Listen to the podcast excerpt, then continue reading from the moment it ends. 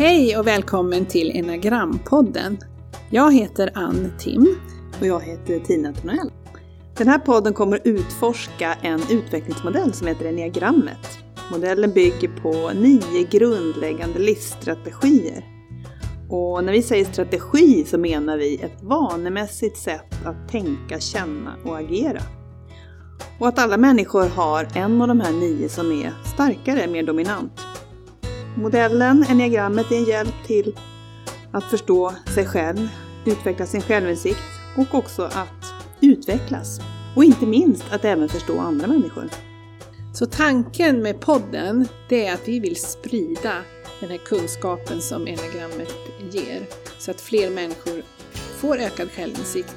Och vi vill sprida på det sättet att vi kommer intervjua människor som har de här olika strategierna. Vi kommer in intervjua kunder och ta upp lite andra ämnen som hör ihop med enagrammet. Så eh, välkommen att hänga med!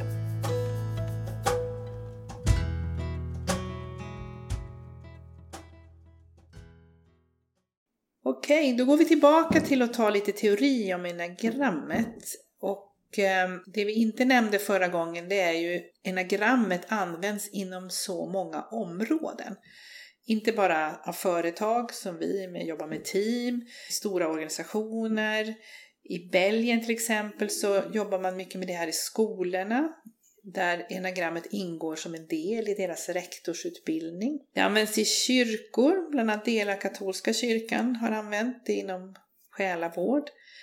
Det är många som jobbar med det här, i, använder det i terapi och i coachning. Och, eh, du Tina kan berätta om det här med fängelser. Ja, precis. Jag var i somras i San Quentin och fick se hur man där jobbar med enneagrammet i något som heter Enneagram Prison Project.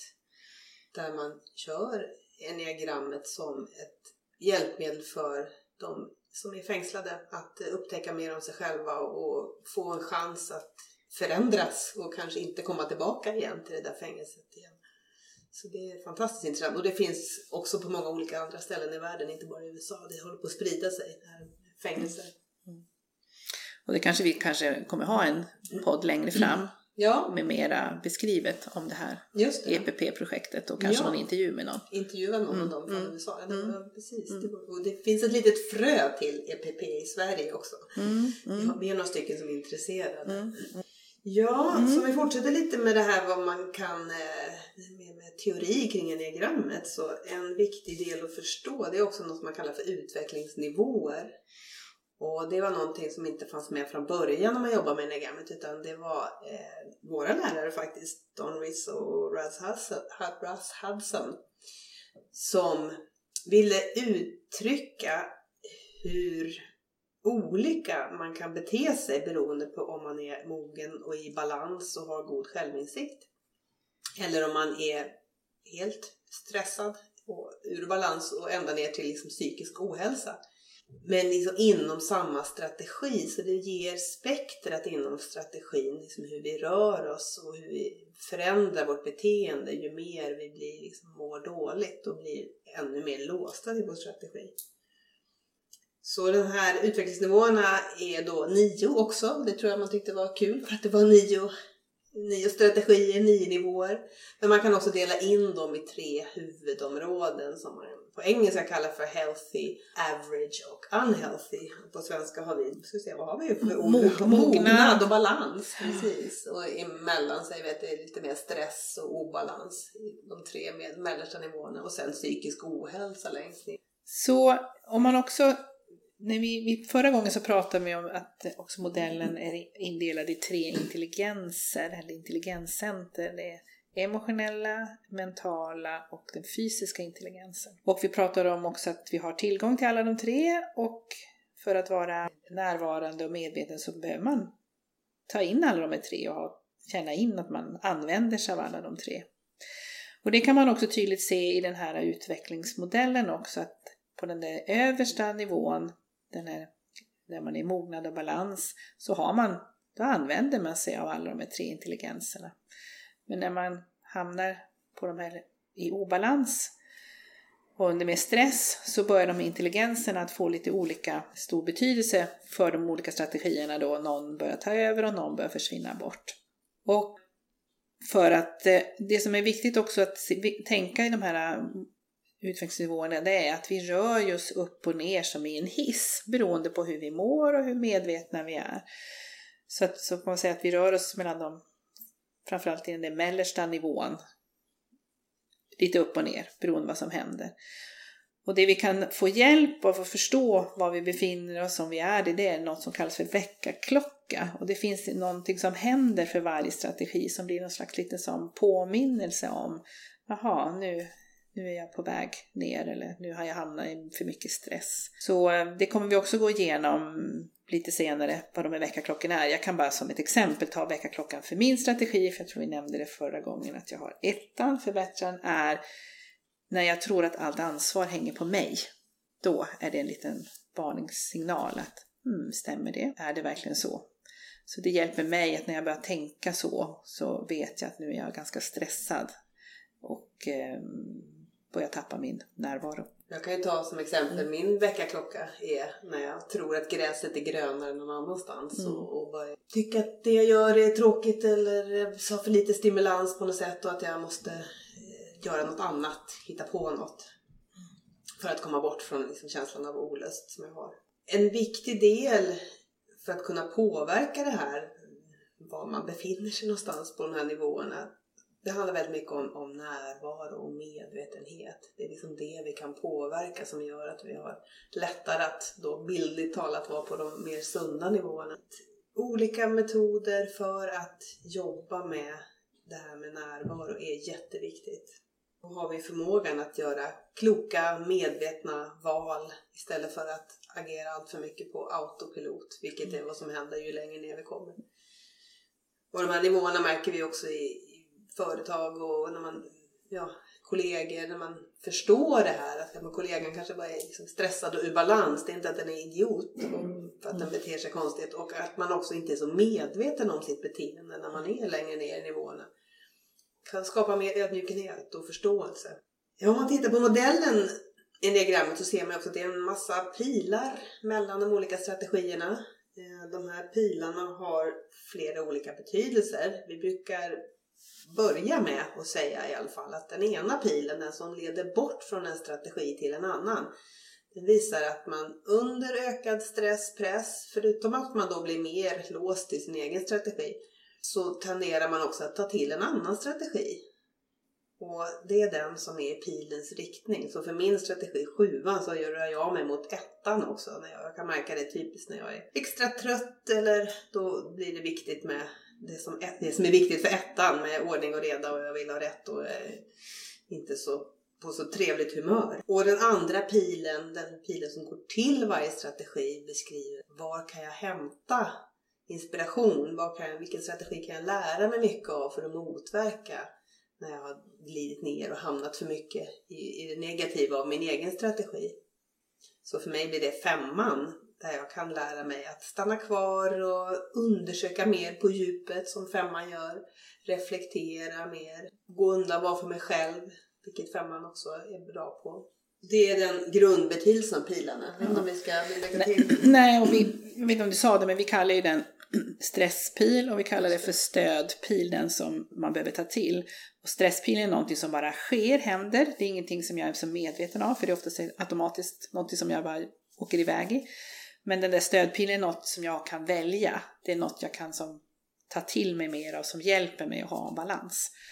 Så det är väl en, som vi mm. säger den första betydelsen. Sen mm. kan man se dem som två strategier som man eh, behöver lära sig av som man också kan balansera mot. Alltså man behöver egentligen ta till sig från båda också. För vi, har ju, vi behöver ju ta till oss av alla strategier men, men till att börja med så tycker vi det är viktigast att man börjar med den betydelsen. Mm. Och sen kan man se andra saker. Ja, mm. så det inte blir för mycket teori på en ja, gång. Ja. Sen har vi ett begrepp till, vi pratar om något som kallas för flyglar också i vår bok och det är varje strategi som ligger på en cirkel har ju en strategi till höger och en till vänster. Och beroende då på så kan man känna igen att man har lite mer av den högra eller vänstra sidan. Till exempel jag har strategi 1 och så har jag då till till ena sidan har jag tvåan och på den andra sidan har jag nian. Och då kan jag känna igen att jag har väl ganska mycket av tvåans strategi i mig. Jag känner igen mycket av deras drivkraft och beteende och så. Då säger man, men jag, ändå är, jag vet ändå, jag känner att ettan är ändå min grund. Då pratar vi om att man har, har ettans strategi men en flygel till två. Och så är det för de flesta att man har någon flyger till något, men det kan också vara någon som bara känner nej, jag är bara i mitten. Så det, det är också lite olika. Men, men det begreppet, och jag tror att i vissa böcker så pratar man om ett annat ord på flyglar också. Man pratar vingar på vingar, svenska. Vingar Mm. en del som Mm. säger vingar, Mm. men det är samma sak man menar. Och det kan man också se som två sidor som man också kan utveckla och man kan se under livet att man kanske haft mer än ena och, så håller man på att utveckla den. Så att, eftersom det här är en utvecklingsmodell och lära sig mer så kan man se det som att jaha, jag kanske behöver upptäcka lite mer på nian. Vad kan den ge mig? Det ligger ändå till höger av mig. Precis. Och där har jag till exempel då sjuan med sextans flygel. Mm. Och jag har mycket av, kan känna igen en hel del i sexan. Och kan också verkligen se åttan som är på andra sidan som en utvecklingspunkt.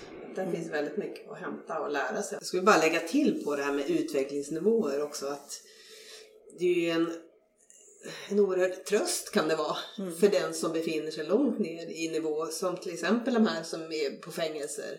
Eh, Att se att ja, men jag med den här strategin har också tillgång till det här goda som finns i strategin, styrkorna. Jag kan ta mig uppåt, bildligt talat, och, och också få tillgång till det som är i de övre nivåerna. Jag har de där kvaliteterna inom mig. Eh, och det kan kännas hoppfullt för de som kanske alltid fått höra att men, de är, duger inte till något eller de Mm. är eh, förtappade på något sätt.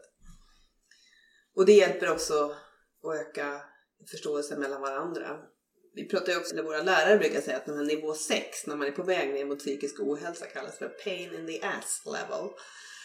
Och eh, där kan vi ju alla vara skitjobbiga, men på nio väldigt olika sätt. Ja. En del blir ju väldigt mer utåtagerade och eh, påverkar andra, blir ganska extrovert och så. Och vissa blir väldigt passiva och går undan. Och det blir jobbigt fast på helt olika sätt. Mm. Så det är verkligen vissa händer på utsidan mycket och Mm. andra går mer inåt i sig själva. Mm. Och allt däremellan. Mm. Mm. Det finns mycket att säga om allting. Så vi kommer nog att att öka på, eller bygga på med det här också. Idag tänkte vi berätta lite mer om vargstrategin också. Och vi kommer att utgå från de här tre intelligenserna. Så att vi börjar med den fysiska intelligensen. Och där finns ju strategi 8, 9 och 1. Så Ann, hur känner man igen en 8? Ja, hur känner man igen en åtta som kallas utmanaren? Ja, man, man kan säga att de är tydliga, kraftfulla personer som vet vad de tycker och vad de vill, tar beslut snabbt, eh, gillar att styra upp och leda saker, eh, inte rädda för en konfrontation, har också ett väldigt beskyddande för de människor som de då har ja, tagit ansvar för eller tar hand om. Så tydliga personer och många ledare som vi ser idag har, kan man säga, har åttan strategi. Självklart kan alla strategier vara ledare, men, eh, men eh, åttan har ganska tydliga ändå det här för att de, det som är drivkraften för åttan det är att man vill vara kraftfull, känna sig de känner sig ofta stark och har någon slags bild av omvärlden att den är tuff och man måste vara stark för att överleva om man ska skydda de svaga. Så har på det sättet någon slags väldigt tydligt, väldigt tydligt kroppsspråk som man läser av.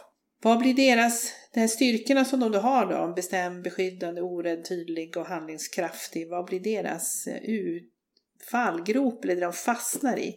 Ja, det är klart, det kan bli för mycket av det här. Att man dominerar, man tar alldeles för mycket plats, man eh, konfronterar andra människor och man tappar lite känsligheten för andra. Ehm, kan också upplevas som lite skrämmande och skamlösa. Men en sak som är viktigt för åttan som är också det att man står upp för det som är rättvis. Och man läser av och kan avslöja, man brukar säga, åtta brukar säga att de är duktiga på att avslöja bullshit. Känna av om människan är sann eller falsk. Eh, och märker de att någon blir orättvist behandlad så är de beredda att verkligen ta strid för den personen eller kliva in i någonting som de ser. Så starka, tydliga kvinnor som har den här strategin har oftast känt att de har varit för kraftfulla.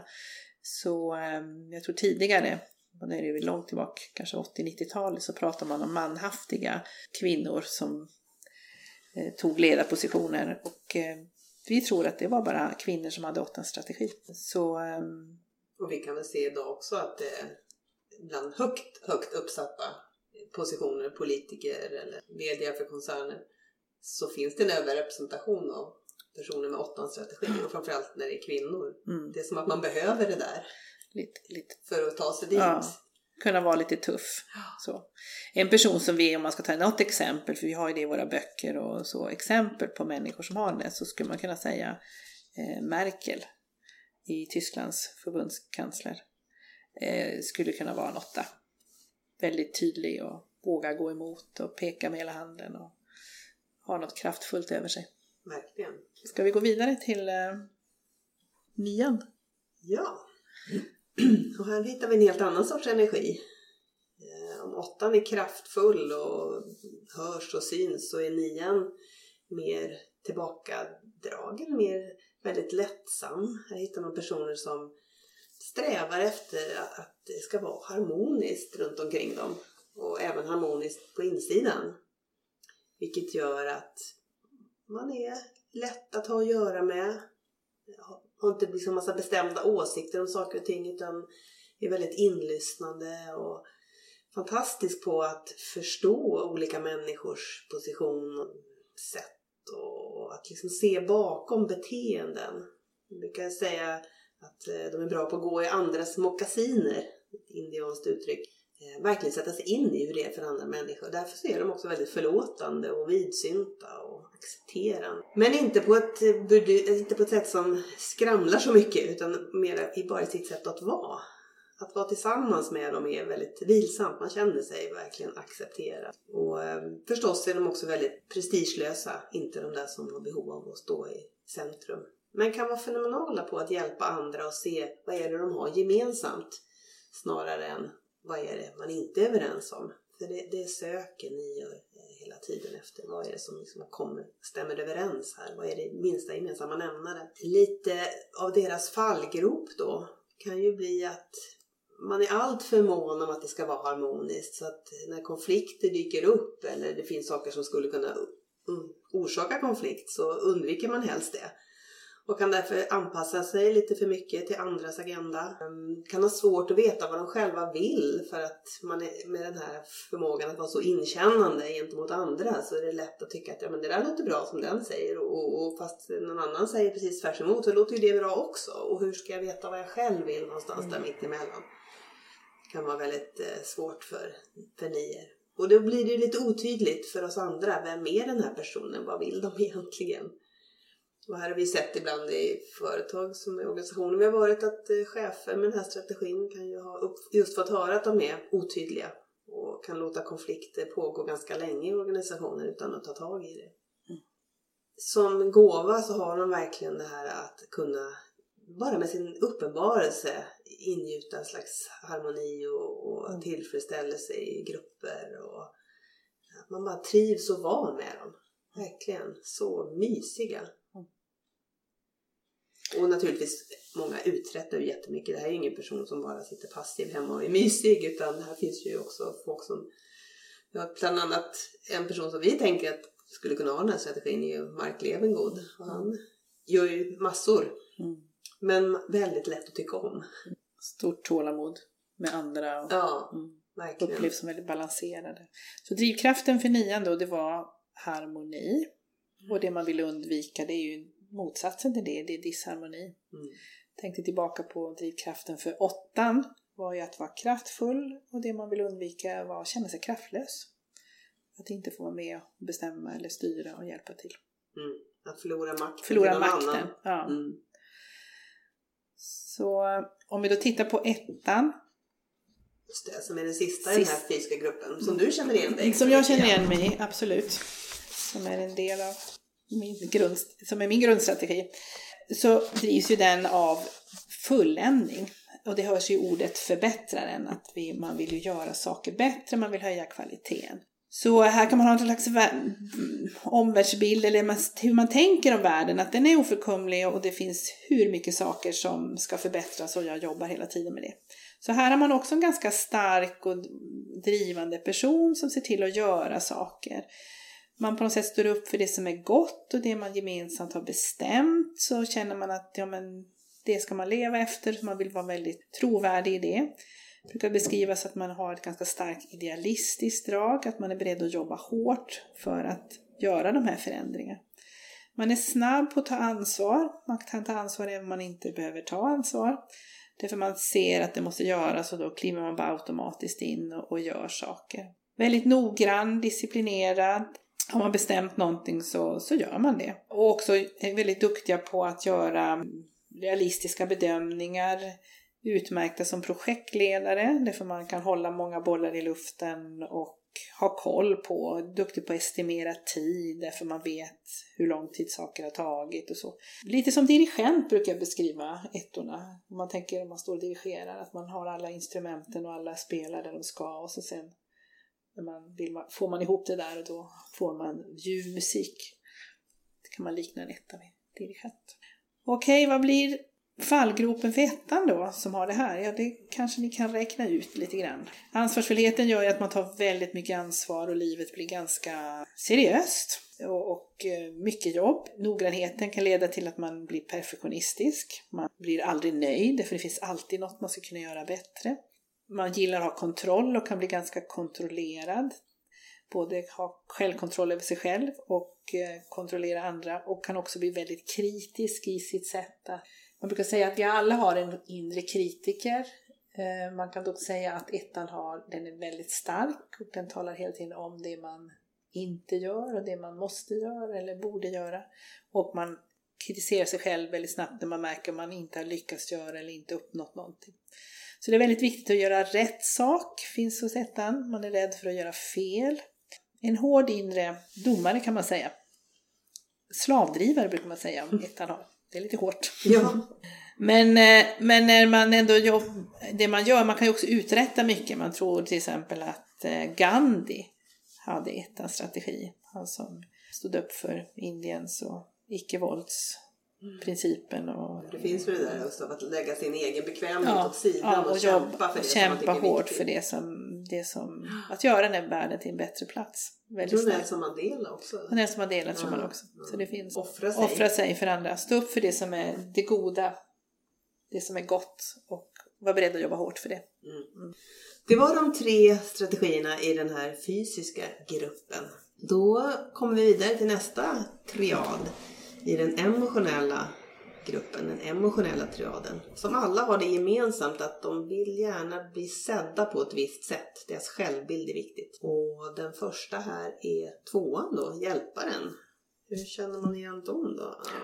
Det kanske man ändå har på ordet. Här är människor som älskar och hjälpa andra människor. De har någon slags syn på omvärlden att världen är full av behov och människor som behöver min hjälp och min relation. För drivkraften hos dem är just att skapa kontakt. De är fena på att skapa relation och kontakt med människor. Det är som att de har något öga också för att se vad människor behöver och är duktiga på att känna in. Och stark empatisk förmåga eh, där man verkligen lever sig in i andras eh, glädje, sorg och kan vara verkligen den här otroligt omtänksamma personen och eh, duktig på att lyssna. Man är beredd att göra ganska mycket för den andra. Ser man dem inom arbetslivet så kan man säga att här är verkligen serviceinriktade människor. Man är beredd att gå den där extra milen om det behövs. Extremt generösa med sin tid, med sin energi, pengar. Man älskar att få ge till andra eh, och känner att man har också väldigt mycket att ge andra. Duktig på att komma ihåg saker om andra människor, det är ju så man bygger relationer. Man eh, tar reda, man minns saker, man kommer ihåg vad människor berättar så nästa gång man träffas så kan man höra, ja hur var det i helgen, hur gick resan dit eller hur gick det med din son på handbollsmatchen eller vad det var. Så väldigt engagerade i andra människor. Så gör att, och så är de väldigt positiva, så väldigt, på det sättet väldigt lätt och omtyckta av andra människor därför att de verkligen ställer upp och bidrar. Ja, vad blir fallgropen för de här då? Ja, det, det som är det som händer med dem det är att de tappar bort lite sig själva och ser inte alls till sina egna behov och också att de kan bli väldigt bekräftelsesökande i och med att de är så viktigt. Tina pratar ju om att de i den emotionella intelligensen har ett väldigt stort behov av att bli sedda och bekräftade. Och här vill man verkligen få bekräftelse för att man är den här goda, hjälpsamma personen eller den här viktiga personen i en annans liv. Så att man söker, värdet mitt hänger mycket på responsen och vad jag, vad jag får tillbaka från de andra människorna. Sen kan man bli överbeskyddande därför att man tänker att man vill att människor ska behöva mig och man vill också hjälpa människor så att man tar över ansvar för andra människor. Också lite smickrande, för man, och det kanske vi alla kan känna igen oss i, vi vet hur vi ska göra för att få människor på vår sida, men här kan man också medvetet använda sig av det eh, för att känna att människor behöver mig. Man brukar säga på arbetsplatser kan man kalla de här lite för navet för de har verkligen koll på det mesta och oftast har sin dörr öppen eller sin plats. Många människor kommer förbi och delar saker och berättar. Så att de får verkligen också koll på väldigt mycket. Man brukar, om man ska ta någon figur så ibland kan man ta så här roller i filmer. Sagan om ringen är en sån film där man kan se olika strategier och då är den här Sam, Sam i filmen där som är så tydligt en tvåa som det är han som bär Frodo, som hjälper honom, som ställer upp eh, för att det här ska, ringen ska nå sitt mål. Så ty tydliga människor som är beredda att ge, ge, ge sitt liv för andra människor. Mm. Då tar vi nästa den här triaden som är då presteraren. Trean. Och vad som utmärker dem är ett starkt driv av att lyckas. Att eh, på något sätt göra det bästa av sina talanger. Och de är också väldigt bra på att veta vilka talanger de har och liksom vad som är värt att satsas på. Här hittar man personer som har stort behov av att det finns tydliga mål. De vill veta vart de är på väg. Vart ska det här leda till? Så mål och resultat, det är det som får dem att liksom springa lite snabbare. Och de släpper inte det där målet ur sikte om de väl liksom fått kon på det. Och är noga med att hitta den där mest effektiva vägen till målet. Man kan påminna lite om de här ettorna som vi pratade om tidigare. För båda är, är väldigt duktiga på att ta sig mål och springa framåt.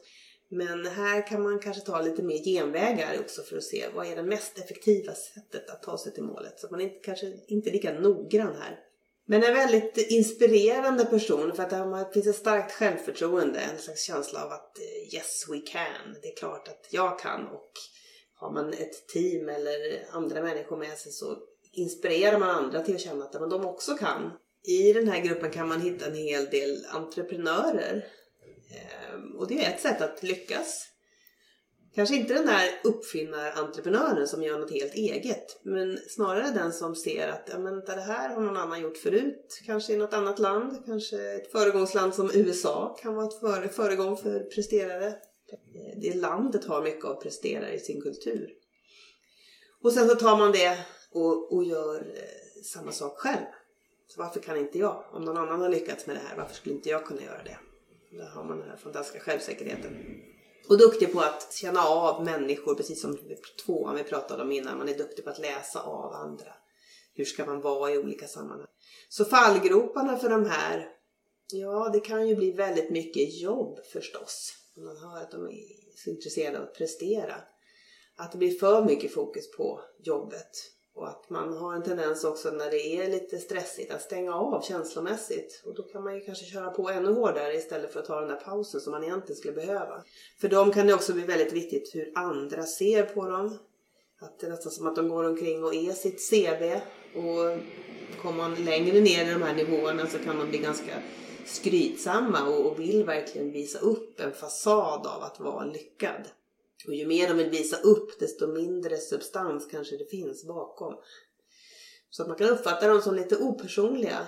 Eh, att det är någon som bara vill spela en roll, men vem är människan bakom? Och det de är mest rädda för är förstås, om man vill nå framgång, så det man är rädd för är att misslyckas. Men eh, man hittar ju fantastiskt inspirerande och härliga människor här. En person som vi har med, Gunde Svan till exempel, som vi tror har mycket av den här presteraren. Man snackar om att vara en, en eh, duktig på att effektivisera och hela hans karriär höll han ju på att mixtra med materialen och maten och eh, man kan se på film hur han duschar och torkar sig på 45 sekunder. Allting för att öka effektiviteten. Men också väldigt inspirerande och bra på att heja på. Det var lite kort om presteraren. Då tar vi fyran då, individualisten som är den sista i den här emotionella gruppen.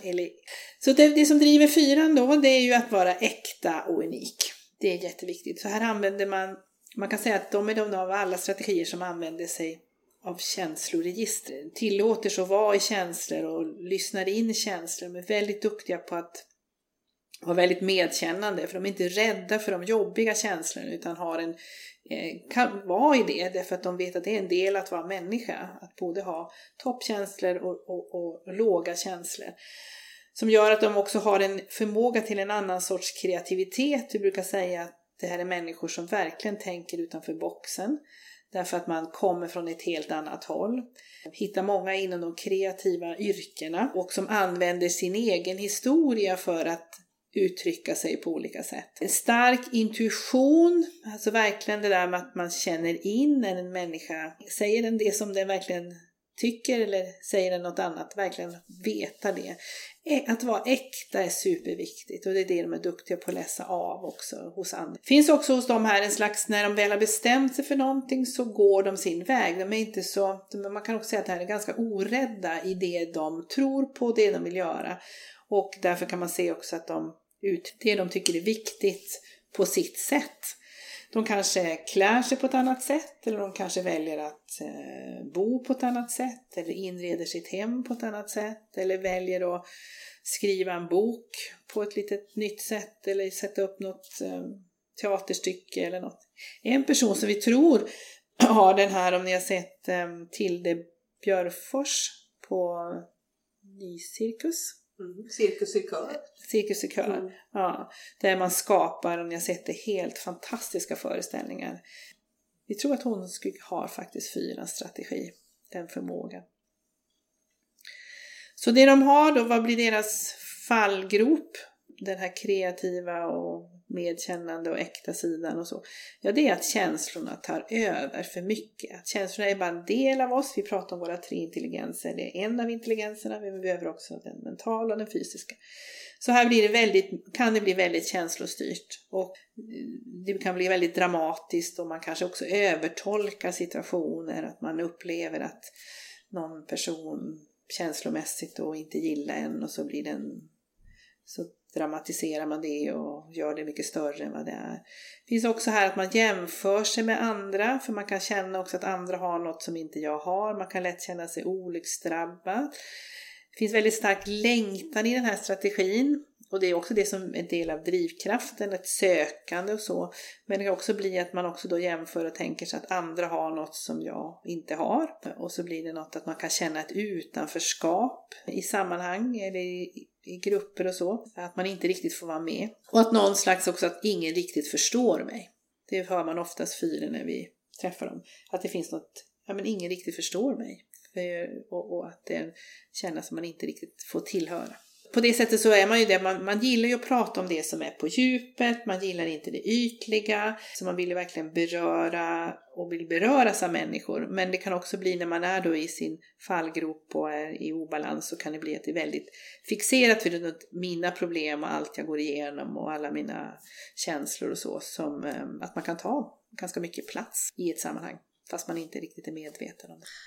Okej, då har vi kommit till den sista gruppen, den, de som tillhör den mentala intelligensen. Där har vi då femman, eh, undersökaren, sexan, den lojale och sjuan, entusiasten. Som alla tre har någon slags fråga eller fundering, det är vad kan jag lita på? Och börja med femman. Ja, femman då som kallas för undersökaren.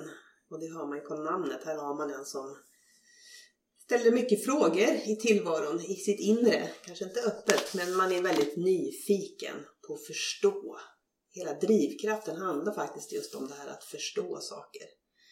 Och för att förstå så behöver man analysera och, och sätta sig in i och man vill gärna förstå på ett mentalt plan. Så att det här med fakta är jätteintressant för de flesta med femmans strategi. Man studerar och på olika sätt. Och har ofta vissa områden som man är extra intresserad av. Det kan vara historia eller det kan vara det man jobbar med eller var man än är så är man oftast lite expert på det man gör. Så det här är personer som med tiden blir väldigt, ofta väldigt kloka. De kan en massa om eh, allt möjligt därför att de är så nyfikna och intresserade. Och man ska inte spela TP med dem för då riskerar man att förlora för de kan också vara riktigt bra på allmän kunskap. De vill vara oberoende. De eh, vill gärna få tid. De är bra på att ta sig sin tid, det de behöver för att ägna sig åt sina intressen. Kan också vara riktiga uppfinnarjuckar och jag tror att det finns många nobelpristagare här för att man är så bra på att gå på djupet. Men lite för mycket, eller man säger fallgropen i det här när man överdriver sin styrka, ja det kan ju bli ganska nördigt. Och att man tenderar att kanske snöa in på något område som inte är särskilt praktiskt användbart. Man kan också dra sig undan allt för mycket in i sina intresseområden och in i sitt huvud och inte vara så lätt att vara med för andra och man upplevs som kanske lite hemlighetsfull eller reserverad. Och så kan man ha en tendens att tycka att men jag har ju fattat allting och ingen annan fattar. Så här kan man hitta en del lite besserwisser attityder. Någon känd person här som vi kan ta upp det, vi tror att Einstein hade den här strategin. Och det var en väldigt klok person. Så att här finns väldigt mycket människor med massa, massa kunskap som bidrar till oss andra. Så, ska vi gå vidare då till eh, sexan då, som är, eh, kallas för den lojale. Och den drivkraften hos sexan det är att, att ha trygghet och stöd. Så man vill kunna lita på saker och man vill också vara en person som är pålitlig och är ett stöd till andra människor. Så den ligger i den mentala, så här är det så viktigt att vara förberedd att veta innan, att ha koll, att minimera risk. För det är bara onödigt och skapar en massa bekymmer eller problem om man inte har tagit reda på innan så man vet vad som händer. Så verkligen också genomtänkta personer, eh, duktiga på att tänka i sekvenser eller konsekvenstänk. Alltså man ser om jag väljer det här så kommer det hända och så. Så kan man tänka i flera led och det går väldigt snabbt. Man är jättesnabb på det.